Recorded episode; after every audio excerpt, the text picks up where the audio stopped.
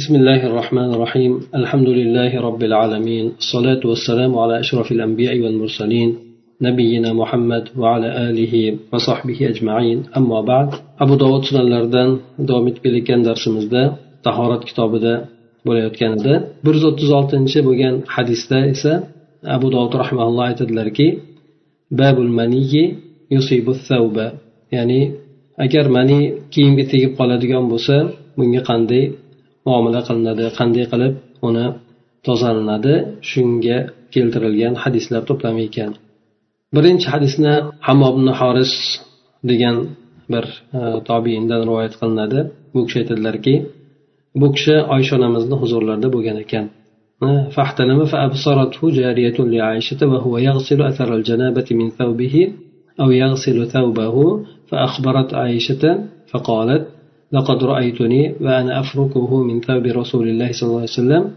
قال أبو داود ورواه الأعمش كما رواه الحكم bu kishi oysha onamizni huzurlarida bo'lgan ekan kelganda hamda o'sha yerda ehtilom bo'lgan ekan buni ehtilom bo'lganligini o'sha yerdagi bir joriya ya'ni oysha onamizni bir xizmatkor ayoli bu odam o'zini kiyimidagi bo'lgan shu junublik asoratini yuvayotgan paytida yoki bo'lmasa kiyimini yuvayotgan paytida u ko'rib qolibdi u ayol. Shundan keyin oysha onamizga xabarini aytgan ekan. Mana shunday mana shunday voqea bo'libdi ya'ni u odam ehtilom bo'lganda shuni kiyimini yuvyapti degan nimasini aytganlarida oysha onamiz keyin aytgan ekanlarki men o'zimni ko'rgandimki ya'ni men o'zim shuni qilganman degan maqsadda men o'zimni ko'rgandimki payg'ambar sallallohu alayhi vasallamni kiyimidan o'sha manini uqalab chiqarib tashlagan edim chiqarib tashlar edim deb aytib o'tgan ekanlar bu kishi. Bu hadis orqali demak oysha onamizni huzuriga kelgan bu odam ehtimol mehmon bo'lishi ko'proq bo'lsa kerak. O'sha yerda biroz dam olishligi oqibatida ehtilom bo'lganligi hamda ehtilom bo'lgandan keyin o'sha kiyimini o'sha joyda yuvayotganligini bir cho'ri ayol ko'rib qolganligi hamda oysha onamizga bunday buni xabarni bergan paytida oysha onamiz esa ya'ni yuvib yotishlikka hojati yo'q degan mazmunda payg'ambar alayhissalomni men kiyimidan o'sha agar e, ishkab uqalab tashlar edi men ishkab tashlar edim deb keltirib o'tadi. E, undan keyingi hadisda ham ayni shu shu voqeani aytib o'tilgan. Oysha onamiz aytadilarki men payg'ambar sallallohu alayhi vasallamni kiyimlaridan manini e, uqalab tashlar edim payg'ambar alayhisalom keyin unda namoz o'qiyverardilar deb aytadi undan keyingi uch yuz yetmish uchinchi bo'lgan hadisda ham ayni shunga o'xshagan holat aytib o'tiladi oysha onamizdan buni sulaymon ibn yasor aytadiki سمعت عائشة رضي الله عنها تقول إنها كانت تغسل المنية من ثوب رسول الله قالت ثم أرى فيه بقعة أو بقعا ya'ni bu oysha onamizda shunday deb aytayotganligini eshitganman deb aytadi sulaymon ibn yasor ya'ni oysha onamiz payg'ambar sallallohu alayhi vasallamni kiyimlaridan manina yuvib tashlar ekan. So'ng unda o'sha payg'ambar alayhisalomni kiyimida o'sha manina qoldirgan bir izini yoki bo'lmasa bir qancha izlarini ko'rar edim deb aytadi. Hop demak e, bu uchinchi bo'lgan hadisimizda oysha onamiz Э, gaplari bo'yicha payg'ambar alayhissalomni kiyimidan manini yuvib tashlaganligi aytiladi. Э, yuqoridagi bo'lgan hadislarda esa uni uqalab qo'l bilan ishlab tashlaganligi keltiriladi. Shuni agar jamlaydigan bo'lsak olimlar aytishadiki oysha onamizdan ham boshqa o'zlaridan keladigan rivoyat ham bor. Ya'ni agar mani nam bo'ladigan bo'lsa uni yuvib tashlashligi mani nam bo'ladigan bo'lsa hali qurimagan bo'lsa yuvib tashlashligi agar qurigan bo'lsa uni ishqalab yoki uqalab tashlashligi bilan kiyim toza bo'lishligini bundan aytishgan. Oysha onamiz ham demak ikkala holatda aytib ikki xil holatni aytib o'tganligi demak bu birisi e, qurib qolgan e, bo'lgandan keyin uni qo'l bilan ishqab tashlashlik yoki uqalab tashlashlik e, shu bilan kiyim pokiza bo'laveradi. Hamda agar dam bo'ladigan bo'lsa uni o'sha o'sha joyini yuvib tashlashlikni o'zi bilan ham pok bo'laveradi. Bunda asorat qolishligi bunga zarar qilmaydi. Bu yerda ham oysha onamiz aytadilar demak o'sha payg'ambar alayhissalomni kiyimida bir yoki bir necha bo'lgan asoratlarini o'sha manini izlarini payg'ambar alayhisalomni kiyimida ko'rardi. Bunda u kishi namoz o'qiyverardi ya'ni asli ketishligi uni asoratni qolishligi zarar qilmaydi. Aslida aslini ketishligi o'zi kifoya qiladi deydi. Mana bu hadisda ham ba'zi olimlar aytishadi demak e, bu hadisni keltirishib ya'ni manini najosat bo'lganligi uchun yuvilganligini aytadigan bo'lsa ba'zilar esa najosat bo'lganligi uchun emas balki uni ya'ni bir insonda og'zidan chiqadigan bir e, balqam shunga o'xshagan narsaga qiyos qilishadida ya'ni inson e, yuvib tashlashligi yaxshi bo'lgan narsa deb keltirib o'tishadi.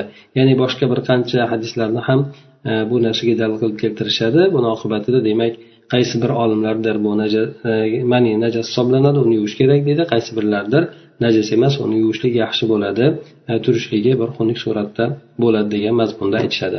O'sha mani to'g'risida gapirib o'tganimizda yuqorida oldingi darslarimizda keng olimlarni bo'lgan gaplarini gapirib o'tgan edik bir yuz o'ttiz yettinchi bo'lgan bobda keltiradiki endi yosh bolani siydiga agar kiyimga tegib qoladigan bo'lsa bunda nima qiladi? deb imom shu nima abu dovud rahimaulloh hadislarni to'plamini keltirgan ekan uch yuz yetmish to'rtinchi bo'lgan hadisda ummu qays bint mehson degan bir sahobiya ayol rivoyat qilib aytadiki أنها أتت بابن لها صغير لم يأكل الطعام إلى رسول الله صلى الله عليه وسلم فأجلسه رسول الله صلى الله عليه وسلم في حجره أم في حجره فبال على ثوبه فدعا بماء bu ayol payg'ambar sallallohu alayhi vasallamni oldilariga o'zini bir kichkina go'dagini o'g'il bola go'dagini olib kelgan ekan. Bu bola hali ovqat yeyishlikka o'tmagan degan ya'ni sut emadigan hali ovqat e, yeyishlik yoshiga yetmagan bir go'dak bolani payg'ambar alayhissalomni oldiga olib kelgan ekan. Payg'ambar sallallohu alayhi vasallam u bolani o'zini quchog'iga o'tirgizdi shunda haligi bola payg'ambar alayhissalomni kiyimiga siyib qo'ydi. Payg'ambar alayhissalom bir suv olib kelinglar deb suvni chaqirdida suv olib kelishlikka buyurdida keyin suv kelgandan keyin u kishi o'sha suvni kiyimiga nadahahu sepib qo'ydi qo'li bilan sepib qo'ydi. Uni yuvgani yo'q deb keltiryapti. Bundan keyingi mana bo'lgan hadisda ham keltirib o'tadi. Bu luboba binti horisdan aytiladiki كان الحسين بن علي رضي الله عنه في حجر رسول الله صلى الله عليه وسلم فبال عليه فقلت البس ثوبا وأعطني إزارك حتى أغسله قال إنما يغسل من بول الأنثى وينضح من بول الذكر husayn ibn ali roziyallohu anhu ya'ni payg'ambar alayhisalom nabiralari u kishini quchoqlarida edi shunda hasan ibn ali payg'ambar alayhissalomni quchoqlariga siyib qo'yadi ha ya'ni go'daklik paytida Shunda men aytdimki luboba bin horis aytadiki men aytdimki siz bir boshqa bir kiyimni kiyib turingda izoringizni menga bering men uni yuvib qo'yaman dedi. Ya'ni siydik tekkanligi uchun. Shunda payg'ambar sallallohu alayhi vasallam aytdilarki hop qiz bolani siydigidan kiyim yuviladida o'g'il bolani siydigidan faqatgina suv sepib qo'yiladi xolos deb aytdilar. Mana bu hadisda ham demak payg'ambar alayhissalom yuqoridagi bo'lgan hadisda o'g'il bola to'g'risida kelgan edi yosh bola go'dak o'g'il bola to'g'risida kelgan edi pastdagi hadisda esa e, payg'ambar sallallohu alayhi vasallam yana tafsiloti bilan aytib o'tdiki qiz bolani yosh tug'ilgan ya'ni yangi chaqaloq bo'lgan hali ovqatga kirmagan qiz bolani siyib qo'yadigan bo'lsa uni albatta yuvilishligini o'zi siydiga tekkan joyini yuvilishligini o'g'il bolani siydigidan esa suv sepib qo'yilishligini mana bu yerda aytib o'tadi. Undan keyingi bo'lgan hadisda abu samah degan sahobiy aytadiki قال كنت أخدم النبي صلى الله عليه وسلم فكان إذا أراد أن يغتسل قال ولني قفاك. قال فأوليه قفاي فأستره به فأوتي بحسن أو حسين رضي الله عنهما. فبال على صدره فجئت أغسله فقال يغسل من بول الجارية ويرش من بول الغلام. abu sama aytadiki men payg'ambar sallallohu alayhi vasallamga xizmat qilar edim u kishi yuvinishlikni xohlaydigan bo'lsalar menga aytadilarki orqaga o'girilib turgin deyardi. Men orqamga o'girilardimda u kishini yana o'sha o'zim nimam bilan u kishini satr qilar edim ya'ni boshqalardan payg'ambar alayhissalomni satr qilib turardim u kishi yuvinib olar edi shunda shu paytda bir husan yoki hasan yoki hasan roziyallohu anhu ikkalalaridan birlarini olib kelib qolindi payg'ambar alayhissalomga. Yuvinib chiqqandan keyin. Payg'ambar alayhissalomni ko'kraklariga siyib qo'ydi keyin bola. Ya'ni yotib o'ynatayotgan paytda ko'kragiga siyib qo'ydi. Uni yuvib qo'yay deb keldim keyin. Payg'ambar alayhisalom o'sha ko'kraklariga tekkan joylarini yuvib qo'yay deb kelganida payg'ambar alayhisalom aytdilarki ha qiz bolani siyligidan yuviladiyu o'g'il bolani siyligidan suv sepib qo'yiladi deb aytdilar deydi. Demak bu yuqoridagi bo'lgan hadislarni davomida keltirib o'tiladi bu hadisda ham. Demak yosh qiz bolani siyligidan uni yuvib tozalanar ekan. O'g'il bolani siyligidan esa suv sepib qo'yilar ekan. Undan keyingi mana ikki yuz yetmish yettinchi bo'lgan hadisda keltirib o'tadi. Uch yuz yetmish yettinchi bo'lgan hadisda keltirib o'tadi. Buni mavquf deb keltiryapti ya'ni hop payg'ambar sallallohu alayhi vasallamga olib borilmagan balki ali roziyallohu anhuni o'zini gaplaridan ekan. U kishi aytgan ekanlarki min bawlil jariyati va yundahu min bawlil g'ulam ma lam yat'am. Qiz bolani siydigidan yuviladi. Qiz bolani siydigi tegadigan bo'lsa albatta uni yuvib tashlanadi. O'g'il bolani siydigidan esa suv sepib qo'yiladi dedi. Modomiki taom yemagan bo'lsa dedi. Ha yosh bola o'g'il bola go'dakligida turgan bo'lsa sut emayotgan payti bo'ladigan bo'lsa hali taomga kirmagan bo'lsa ha bu paytda uni siydigidan siyib qo'yadigan bo'lsa suv sepib qo'yiladi xolos deb aytgan ekanlar bu kishi ham. Va undan keyingi boshqa rivoyat undan keyingi bo'lgan rivoyatda yana ali roziyallohu anhuni so'zidan keladi. Unda aytadilarki payg'ambar sallallohu alayhi vasallam shunday dedi deb yuqoridagi bo'lgan gapni keltirib o'tadi. Lekin bu yerda malam yatam so'zini keltirmagan ekan. Ha ya'ni taom yemagan bo'lsa modomiki taomga kirmagan bo'lsa degan so'zni payg'ambar alayhisalomni gapidan keltirmagan ekan. Qatoda rahimaulloh aytib o'tgan ekanki ziyoda qilib keltirgan ekanki o'zlari bu ikkalasi ham taom yemaydigan bo'lsa ikkalasi agar taom yeydigan bo'lsa hammasi yuviladi deb keltirib o'tgan ekan. Bunda yosh qiz bolani ham bu kishi o'zlarini gapini keltirib o'tgan ekan. Modomiki taom yemagan bo'lsa e, bunda suv sepib qo'yiladi. Agar taom yeydigan bo'lsa hammasi o'g'il bola ham qiz bola ham yuviladi deb aytilgan ekan aytgan ekan bu yerda. Albatta yuqoridagi bo'lgan hadislarda tafsili bilan keltiryapti orasini ajratib keltiryapti. Qiz bola agar ovqat yesa ham yemasa ham go'daklik paytida bo'lganda siyib qo'yadigan bo'lsa albatta uni yuvib tashlanar ekan. O'g'il bola agar taomga kirmagan payti bo'ladigan bo'lsa bunda suv sepib qo'yilar ekan taomga kirgandan keyin esa siyib qo'yadigan bo'lsa qiz bolani siydigidaqa uni ham yuvib tashlashlik kerak bo'lar ekan. Undan keyingi rivoyatda keltirib o'tadi hop hasan basir rahimaullohdan keltirib o'tadiki u kishi onasidan rivoyat qilgan ekan aytadilarki innaha absarat ummu salama tasubbul ma'a على بول الغلام ما لم يطعم فإذا طعم غسلته وكانت تغسل بول الجارية hasan basir rahimaulloh bu ummu salama onamizni tarbiyalarini olgan o'sha yerda onasi ham o'sha ummu salama onamizga yaqin bo'lgan edi shunda demak o'zlarini hasan basiyni onalari umi salama onamizni holatini ko'rib turib rivoyat qilyapti ekan. Ya'ni umi salama onamizni bir bolani go'dak bolani siydigida siydigi ustiga suv quyib qo'yganligini ko'rgan ekan bu kishi. O'sha modomiki malam yotam ya'ni taom yemagan paytida. Taom yemagan hali taomga kirmagan bo'lgan paytida yosh bola bo'ladigan bo'lsa uni siydigini ustiga suv quyib qo'yilar ekan. Shuni ko'rgan ekan. Agar taomga kirib qoladigan bo'lsa uni yuvgan yuvar edi deydi. Taomga kirgan bo'lsa bola uni yuvar edi qiz bolani sidigini esa yuvar edi ya'ni bu taomga kirishligini kirmasligini farqi yo'q degan mazmunda aytib o'tgan ekan.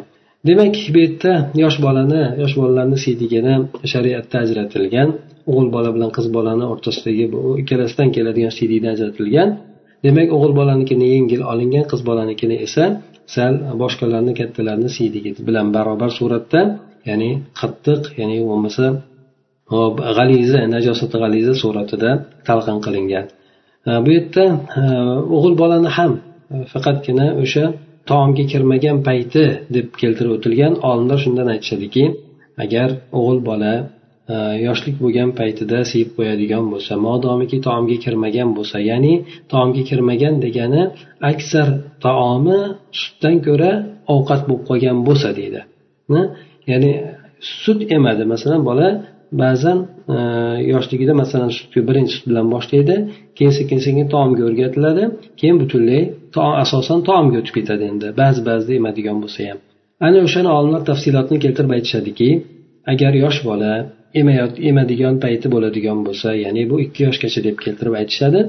Emadigan paytida agar uni sut emishligi ko'proq bo'ladigan bo'lsa yoki faqat sut emadigan bo'lsa yoki sut emishligi ko'proq bo'ladigan bo'lsa bu bolani siydigiga suv sepib qo'yishligini o'zi kifoya qiladi. Yuvib shart emas ya'ni ustiga suvni sachratib sepib qo'yishligini o'zi yoki suvni quyib qo'yishligini o'zi kifoya qiladi. Uni ishqab yuvib tashlashlik hojati yo'q deb aytishadi. Mana bu rivoyatlarda ham ayni mana shu narsa kelgandir. Endi bola e, taomi ko'proqqa o'tadigan bo'lsa hmm, yoki taomi barobarga kelsa yoki taomi ko'proq ozuqa bo'lib qoladigan bo'lsa bunda u bolani garchi e, masalan olti oyligida bo'ladimi bir yilligida bo'ladimi katta odamlarni siydigidaqa e'tibor qilinadida uni yuvib tashlashlik e, lozim bo'ladi yuvib tashlashlik shart bo'lib qoladi.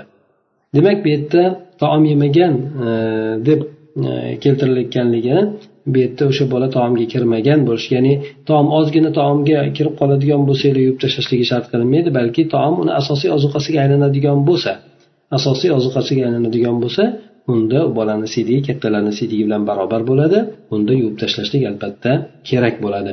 Agar bola ovqatga kirsayu lekin aksar taomi hali ham sut emishlik bo'ladigan bo'lsa hamda ikki yoshdan yuqori bo'lmagan bo'lsa bu bolani siydikiga faqatgina suvni o'zini sepib qo'yishligini o'zi kifoya qiladi. Garchi bola emayotgan bo'lsa ham ikki yoshdan o'tadigan bo'lsa bunga ham yuvishligini olimlar aytishadi. Albatta bu yerda shariatda ikkalasini o'rtasini ajratilgan ikkala siydiyni demak bolalarni o'g'il bolani siydigi yengilroq bo'lganligi uchun unga shunday hukm berilgan qiz bolaniki demak yoshligidan boshlab shunaqa g'aliza najosat hisoblanadi ya'ni g'ubol najosat hisoblanganligidan uni kichkinaligi bo'ladimi katta bo'ladimi buni farq qilmasdan demak albatta siydigini to'liq suratda najosat hisoblangan hamda yuvishlik shart deb keltirib o'tilgan. Bir yuz o'ttiz yettinchi o'ttiz sakkizinchi bo'lgan bobda keltiradiki endi yerlarga siydik tegib qoladigan bo'lsa o'sha joylarga siydik tomgan bo'lsa yoki siyilgan bo'lsa bunda nima qilinishi kerak bo'ladi bu to'g'risida ba'zi rivoyatlarni keltirib o'tadi uch yuz saksoninchi bo'lgan hadis abu hurra roziyallohu anhudan rivoyat qilingan ekan u kishi aytadilarki anna arabiyan dakhala masjida va rasululloh sollallohu alayhi vasallam jalisun فصلى قال ابن عبد ركعتين ثم قال اللهم ارحمني ومحمدا ولا ترحم معنا أحدا فقال النبي صلى الله عليه وسلم لقد تحجرت واسعا ثم لم يلبث ثم لم يلبث أن بال في ناحية المسجد فأسرع الناس إليه فنهاهم النبي صلى الله عليه وسلم وقال إنما بعثتم ميسرين ولم تبعثوا معسرين صبوا عليه سجلا من ماء أو قال ذنوبا من ماء abu hurra roziyallohu anhu aytadilarki bir arobiy bo'lgan kimsa ya'ni arobiy ma'lum sahroda yashaydigan hamda shahar madaniyatidan yiroq bo'lgan odamlar endi hop shu shulardan birisi E, E, masjidga kirib qoldi. Payg'ambar sallallohu alayhi vasallam o'sha masjidda o'tirgandilar. Bu odam kelib namoz o'qidi. E, roviylardan birisi ikki rakat namoz o'qidi deb keltirib o'tyapti. So'ng aytdiki e, parvardigor olam meni hamda muhammadni rahmatingga olgin biz bilan birga boshqalarni rahmatingga olmagin deb aytadi bu odam. Ya'ni payg'ambar alayhissalomni o'zigagina o'zi bilan payg'ambar alayhissalomni o'zigagina rahmatini alloh taolo rahmatini chegaralab qo'yadi xolos. Shunda payg'ambar sallallohu alayhi vasallam aytadilarki sen keng bo'lgan narsani toraytirib qo'yding hm, qisqartirib qo'yding yoki keng bo'lgan narsaga to'siq qo'yding deb aytdi. Ya'ni alloh taoloni rahmati keng unga butun musulmonlar kiraveradi. Lekin bu odam faqat o'ziga payg'ambar alayhissalomgagina shuni chegaralab qo'ydi. Payg'ambar alayhisalom unga inkor etib mana shu gaplarini aytdilar. Hech qancha hech qancha turmadilarda keyin haligi odam masjidni bir chekkasiga bir chetiga siydi. Endi siyib yubordi. Ya'ni bularda aytib o'tganimizdek shahar madaniyatidan yiroq sahroda sahroda ma'lumki yo'lni bir chekkasiga borib turib hojatini o'tayveradi ana o'shanday suratda bu odam ham masjidni bir chekkasiga borib turib o'sha yerda bavul qildi. Odamlar haligi odamga shoshib qolishdi keyin. Keyin voy to'y deb baqir chaqir qilib shoshib qolishdi. Payg'ambar alayhisalom odamlarni u odamdan qaytardi keyin. To'xtanglar to'xtanglar dedi. Ha ba'zi rivoyatlarda qo'yib beringlar ha u odamga oxirigacha yetkazib degan mazmunda gaplarni aytadi. Shunda payg'ambar alayhisalom aytdilarki yana sizlar odamlarga yengillik yaratuvchi bo'lib yengillik qilib beruvchi bo'lib yuborilgansizlar. Demak sizlar musulmonlar odamlarga yengillik qilib beruvchi bo'lib yuborilgansizlar. Sizlar qiyinlik qiyinchilik tug'diruvchi bo'lib yuborilmagansizlar dedida keyin payg'ambar alayhisalom sahobalarga aytdiki suvdan bir paqirni uni ustiylikni ustiga quyib yuboringlar dedi. Yoki sajlan zanuban demak katta bir paqir suvni aytadi katta bir paqirni aytadi. Suvdan o'sha katta bir paqirligisini o'sha odamni siydigini ustiga quyib yuboringlar deb aytib o'tadi. Mana bu yerda demak bir necha masalalar bor. Bu yerda mana arobiy kelib shunday ishni bajardi. Bu odam johil bo'lganligi hamda bunaqa odoblardan yiroq bo'lganligi uchun bu yerda bu odamga qilingan muomala ham o'ziga yarasha bo'ldi. Ya'ni johilga qilingan muomalaga muomala qilindi. Sababi bu odam o'sha masjid odobini bilmasdi yoki bo'lmasa shahar odoblarini ha bu odam bexabar bo'lardi. Odatda arobiylar shunday demak dag'al qo'pol tarbiyasi unchalik yo'q bo'lgan odamlar bo'ladi odatda. Ana o'shandan payg'ambar sallallohu alayhi vasallam ham bu odamni bu qilgan ishiga qattiq teginmadilar aksincha agar mabodo o'sha madinada yurgan odamlardan birisi qilganda ehtimol u odamni juda qattiq bir chora ko'rilardi. Bu odamni bunday qilganisiga nisbatan ehtimol bu odamni o'sha masjidni hurmatini poymol qilishlik degan nimada ehtimol o'limga ham mahkum qilinishligi mumkin bo'lardi. Lekin bu yerda bu odam johil bo'lganligi uchun hamda sahroyi tabiat bo'lganligi uchun payg'ambar alayhisalom buni to'g'ri tushundilarda sahobalarni u odamga shoshib qolganligidan qaytardi. Qaytarganligida yana payg'ambar alayhisalom aytib o'tganimizdek qo'yib beringlar tugatib olsin deb aytadi. Bu yerda ham e, haligi odamni siydigini e, kesib qo'yilishligi bu odamni bir xil ba'zi bir kasalliklarni kelib chiqishligiga ham sabab bo'ladi deb aytishadi. Ya'ni odamni birdaniga e, qo'rqitib yoki bo'lmasa birdaniga o'sha siydigini siyayotgan paytda to'xtatib qo'yishlikka majbur qilinadigan bo'lsa bundan kasalliklar kelib chiqishligi mumkin. Shuni oldini olganligidan payg'ambar alayhissalom qo'yib beringlar oxirigacha yetkazib olsin deb bir tomonlama aytganligini aytishadi. Ikkinchi bir tomondan esa agar bu odam o'sha sahobalar orqasidan quvib qoladigan bo'lsa u odam qochadigan bo'lsa bir joyni emas bir qancha joylarni endi najosat qilishligi turgan gap edi endi. Shuning uchun payg'ambar alayhisalom sahobalarni qaytarib demak o'sha joyda ya'ni o'sha joyda E, boshlabdimi demak o'sha joyni o'zida boshqa joylarga o'tmasdan hojatini to'liq o'tib olsin bo'lmasa degan mazmunda aytganlar deydi. Ana undan keyin payg'ambar alayhissalom johil bo'lgan odamlarga qanday muomala qilishlik to'g'risida keyingi so'zlarda ayt. Sizlar odamlarga yengillik yaratib beruvchisizlar. Qiyinchilik e, qiyinchilikka soluvchi qilib yuborilmadilaring. Demak bu odam sizlarni bu qilishligingiz e, bu odamni aytaylik birinchi tushunmagan masaladan yiroq bo'lgan odamga nisbatan bunday qo'pol yoki bo'lmasa bunaqa suratda muomala qilishlik bu odamni ko'p tomonlama zarar berishligi jasadiga ham ehtimol diniga ham zarar berishlikka sabab bo'lishi mumkin. Shuning uchun payg'ambar alayhisalom bularni ha odamlarga yengillik qilinglar dedi. Demak johil bo'lgan odamlarni qilinadigan yengillik ularga tushuntiriladi. Ularga qattiq boshdan qattiq qo'pol muomala qilinmaydi albatta. Shundan payg'ambar alayhisalom aytdiki sizlar qiyinchilik qiyinchilikka tug'diruvchi qilib yubormadilaringiz. Buni imkoniyati bor. Demak o'sha odamdan o'sha narsa sodir bo'ldi bo'ldi endi. Bu odam bilgani yo'q bu narsani. Demak bu odamni qiyin holatga solmaylik endi. Yo kasal bo'ladigan holatda yoki bo'lmasa yana bu odamni qo'rqitib ya'ni bu odamni qochadigan yana undan tashqari boshqa joylarni ham e, najosat qilib qo'yadigan holatga qo'ymanglar bu odamni.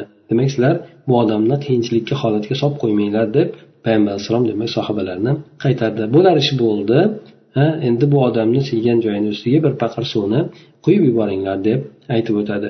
Demak bu yerda najosatni ustiga undan ko'ra ko'proq bo'lgan suvni quyishlik najosatni ketkazishligini bu yerda olimlar dalil qilib ham keltirishadi. Agar inson yuvish yuvishligi ya'ni singib yuvishligi imkoniyati bo'lmagan o'rinlarda masalan mana yerda yerda bo'lsa masalan bir odam siydi bu odam siygandan keyin o'sha joyini e, ustidan atrofidan o'sha suvni ko'proq suratda quyib qo'yishligi mana aytaylik bir odamni siydigidan ko'ra bir paqir suv bir necha barobar albatta ko'p bo'ladi. O'sha suvni ustidan quyib yuborishligi o'sha joy o'sha siydikni poklanishligiga sabab bo'ladi deydi albatta siydikni ustiga suv quyishlik bilan suvni ustiga siydik e, quyilishligini bu yerda katta farqi bor. Agar bir paqir suv bo'ladigan bo'lsa unga bir tomchi suv tushadigan bo'lsa ehtimol u paqirdagi suvni najos qilib qo'yadi.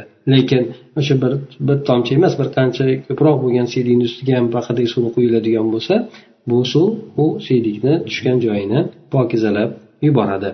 Yana bundan ba'zi olimlar keltirib aytishadiki inson mabodo bir siydik tekkan narsani yuvayotgan bo'lsa u bolalarni ishtoni bo'lsin yoki boshqa narsa bo'lsin siydik tekkan narsani yuvayotgan bo'lsa hamda o'sha e, suvni e, kranni nimasini bo'layotganini ochib suv ko'proq suratda kelayotgan bo'lsa o'sha yerda siydik kuyayotganda chachirayotgan bo'lsa demak e, bu o'rinda suv chachirayotgan suv najas bo'lmaydi deb aytishadi. Ya'ni o'sha yerda siydigidan ko'ra ko'proq suv bilan yuviladigan bo'lsa u suvdan chachraganligi najosat qilib qo'ymaydi. Ya'ni bu yerda e, asosan bitta ozgina bo'lgan siydikni ko'p suv bilan yuvayotganda bu narsa pokiza bo'ladi deb aytishadi. Ya'ni o'shandan chachraydigan suv insonni kiyimini najas qilmaydi. Chunki bu yerda siydikdan ko'ra suv o'sha yuvilayotganda e, suv ko'proq sachrashligi siydik ozroq bo'lishligi bu narsa albatta kiyimni najosat qilmaydi. Lekin suvda e, najosat aniq ko'proq ko'rinib turgan bo'lsa unga suv chachrasayu undan chachraydigan bo'lsa siydiydan chachraydigan bo'lsa lekin o'sha siydik bo'lib turgan suv ko'proq bo'ladigan bo'lsa unda albatta kiyimni najosat qilib qo'yadi. Masalan aytaylik unitazlarga siydik turgan paytda bir narsa tushib turib undan chachraydigan bo'lsa yoki suv quyganda suv undan e, ko'proq chachraydigan bo'lsa bunda e, benamoz qilishligi turgan gap endi. Lekin ko'p suv tushib turib uni yuvib yuboradigan bo'lsa ko'p suv tushib turib yuvib yuborganidan chachraydigan bo'lsa e, bunda u narsa najosat qilmaydi.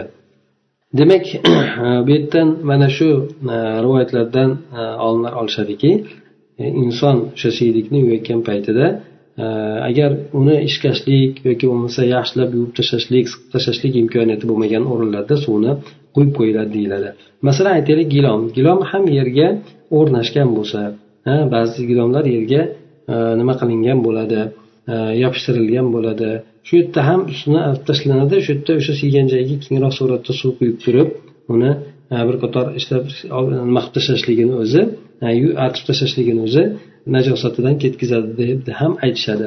Agar uni tagiga suv nima qo'yishlik imkoniyati bo'ladigan bo'lsa tog'ora qo'yishlik imkoniyati bo'ladigan bo'lsa tagiga tog'ora qo'yib turib albatta ustidan suv quyib uni yuvib yuborishligi uni pokiza qilib qo'yadi. Lekin ba'zi e, mazhablarda esa ya'ni gilom boshqa yoki shunga o'xshagan narsalarga e, siydik tegadigan bo'lsa benamoz bo'lib qoladigan bo'lsa uni e, hatto oqayotgan suvga bir sutkalab qo'yib qo'yishligini ba'zi olimlar aytishgan. Ba'zi mazhablarda bu narsa aytib o'tiladi. Undan keyingi bo'lgan hadisda maqil ibn muqarrin ya'ni abdulloh ibn maqil ibn muqarrindan rivoyat qilinadi aytadiki صلى أعرابي مع النبي صلى الله عليه وسلم بهذه القصة قال فيه وقال يعني النبي صلى الله عليه وسلم خذوا ما بال عليه من التراب فألقوه وأهريقوا على مكانه ماء ya'ni bir arobiy payg'ambar sallallohu alayhi vasallam bilan birgalikda namoz o'qidi mana shu yuqoridagi bo'lgan qissani aytdi shunda yana payg'ambar alayhissalom to'g'risida aytdiki ya'ni o'sha qissani keltirib aytdida arobiy siyganligi.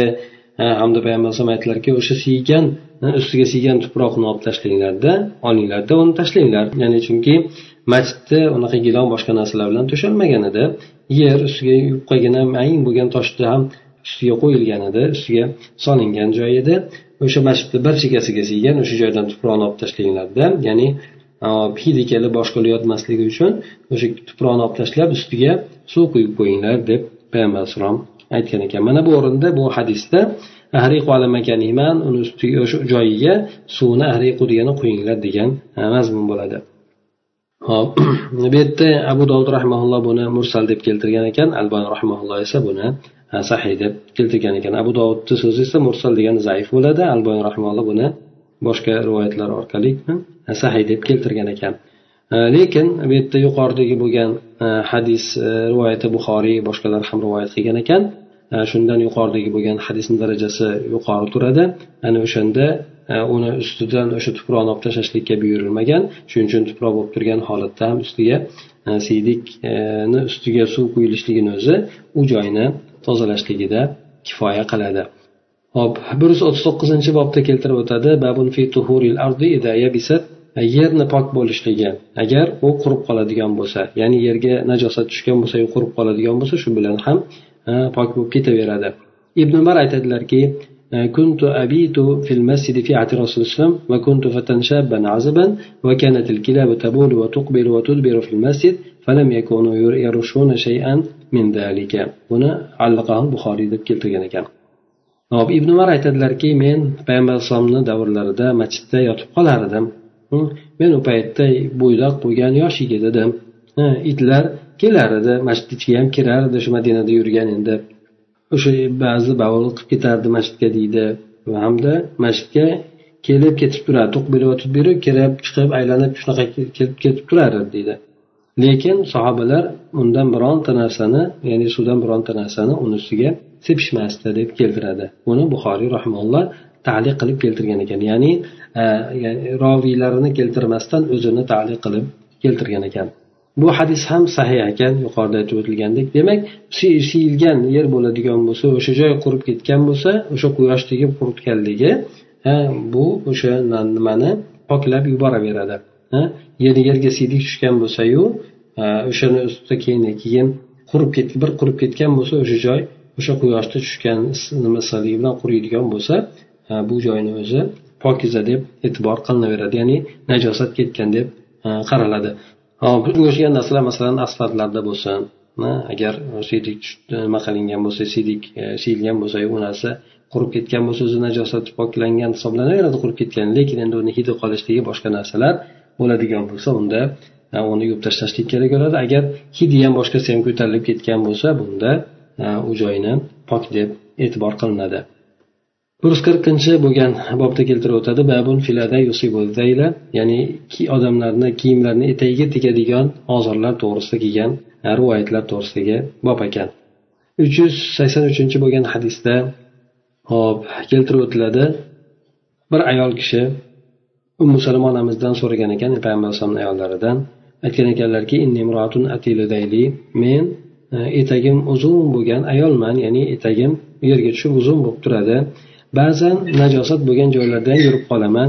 Shunda umi salama aytdilarki payg'ambar sallallohu alayhi vasallam aytganlarki ya'ni undan keyingi bo'lgan yerlar uni poklaveradi deb aytgan ekanlar. Mana bundan keyingi e, bo'lgan hadis ham shu mazmunda dalolat qiladi. Bani abdu ashal qabilasidan bo'lgan bir ayol payg'ambar alayhisalomni huzurlariga kelib aytdiki ey rasululloh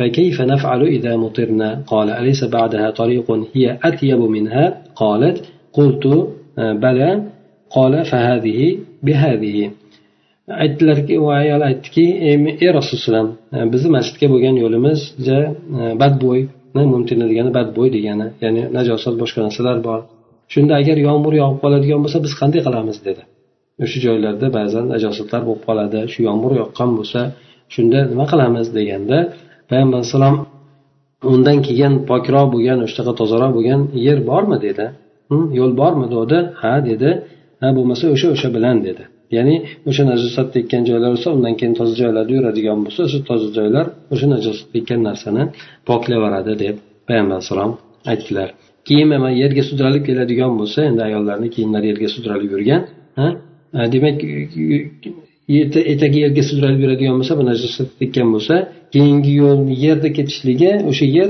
yana u najosatni poklab yuboraveradi. Agar u yerda najosatni ayni ko'rinishi qolmaydigan bo'lsa ha ya'ni najosatni o'zi aynan ko'rinib turgan najosat qolmaydigan bo'lsa o'sha bir tegib turib undan keyin yerga yana tegib toza bo'lgan yerga tegib e, ya'ni yer bilan ishqalanib ketishligi bu ham e, kiyimni shu najosatini ketkizadi deb aytilgan ekan. Lekin agar najosat ayni o'zi ko'rinib turgan turadigan bo'lsa unda yoki hidi qolib ketgan bo'lsa unda yuvib tashlashlik kerak bo'ladi. Bir yuz qirq birinchi bo'lgan hadisda keltirib o'tadi babun fil oyoq kiyimlariga tegadigan ozor najosatlar to'g'risida. Hop bu hadisda payg'ambar alayhisalom aytgan ekanlarki agar bittanglar kiyimi bilan bir ozor najosatni yosib oladigan bo'lsa uning uchun tuproq hm, poklab tashlovchi deb keltirgan ekan. Tuproq tuproq uni poklab tashlaydi. E, undan keyingi hadisda ham ya'ni agar inson massi bilan bir ozor najosatni bosib o'tadigan bo'lsa tuproq uni poklaveradi degan ekan. Uni poklaydigan narsa tuproq bo'ladi deb. Ho'p e, demak inson oyoq kiyimi yerda bir najosat tez bo'lsa undan keyin yana yurib ketadigan bo'lsa o'sha najosat yer bilan tozalanib ketadigan bo'lsa tozalanib ketadi. Agar najosatni o'zi asorati qoladigan bo'lsa unda yuvib tashlashlik kerak. Agar yo'q bo'lib ketadigan bo'lsa o'sha yer uni tozalab yuborgan hisoblayveradi bir yuz qirq ikkinchi bo'lgan bobda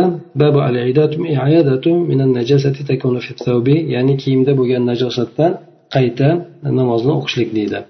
Bu yerda ummu jahdar al omiriya degan e, ayoldan keladi. u kishi ayol salat ashita an damil haydi yusibu thawba فقالت كنت مع رسول الله صلى الله عليه وسلم وعلينا شعارنا وقد ألقينا فوقه كساء فلما أصبح رسول الله صلى الله عليه وسلم أخذ كساء فلبسه ثم خرج فصلى الغداة ya'ni u ayol oshiramizdan hayz qoni haqida so'ragan ekan kiyimga tegib qoladigan shunda aytdilarki bu hadis zaif ekan lekin men payg'ambar sallallohu alayhi vasallam bilan birga bo'lardim ustimizda bir bizni kiyimimiz bo'lardi tepamizda uni tepasidan esa kiso ya'ni yopinchiqni e, uni ustidan e, tashlab olardik deydi tong ottirgan paytimizda payg'ambar alayhisalom o'sha ustiga yopinchiq bo'lgan e, olardi yopinchiqni olardida o'ziga o'rar edi so'ng chiqib bomdod namozini o'qiyar edi. So'ng payg'ambar alayhissalom o'tirganida bir odam aytdiki rasululloh bu yerda qondan bir yaltirab turibdi qonda bir asorati bor ekan qon bor ekan bu kiyimda dedi. Shunda payg'ambar sallallohu alayhi vasallam rasululloh o'sha qonni atrofidagi bo'lgan joylarni changali bilan qo'li bilan ushladilar. Ushladilarda uni keyin menga bir bolani qo'lida o'ralgan holatida yubordi keyin keyin. Aytdiki mana buni yuborasiz ekan hamda quritib yana menga qaytadan uni yuboring degan mazmunda payg'ambar alayhissalom bir bola bilan yubordi endi. Shunda keyin oysha onamiz aytadilarki men bir idishni chaqirdim idishni suv olib kelinglar dedim. Keyin keyin o'sha idishda u nimani yuvdim. O'sha kiyimni kisoni yuvdim. So'ng quritdimda payg'ambar alayhisalomga keyin uni yubordim. Payg'ambar alayhissalom e, kunduzni e, kunduzda qaytib keldilar. Ustida o'sha kiyim bor edi. Ya'ni men yuborganim kifoya qilgan ekan degan mazmunda keladi endi bu yerda. Demak e, bu hadis aslida bundan hukm olinmaydi zaif ekan. Bu yerda endi qon hayz bo'lib ham hayz qoni bo'ladigan bo'lsa albatta e, uni yuvib tashlashlik kerak bo'ladi. Bir yuz qirq uchinchi bo'lgan hadis e, tupuk kiyimga tegishligi to'g'risidagi bob ekan ya'ni bu najas qiladimi yo'qmi degan mazmunda. Bazaqa rasululloh payg'ambar alayhissalom o'sha kiyimlariga tufurdilarda hamda bir kiyimini bir biriga ishqadilar. Ya'ni namozda turgan paytlarida odamga bir boshiga keladigan bo'lsa payg'ambar alayhisalom shunday qilardi.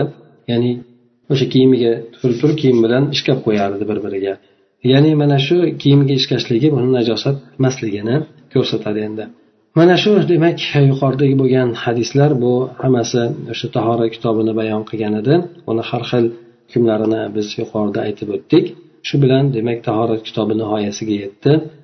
najosat najosat turlari undan qanday poklanadi mana shu to'g'risidagi bo'lgan hadislarni rivoyatlarni keltirib uni ichidagi bo'lgan ba'zi o'sha masalalarga aloqador bo'lgan hukmlarni ham qo'ldan kelganicha aytib o'tdik سبحانك اللهم وبحمدك نشهد أن لا إله إلا أنت نستغفرك ونتوب إليك اللهم انفعنا بما علمتنا وعلمنا ما ينفعنا وزدنا علما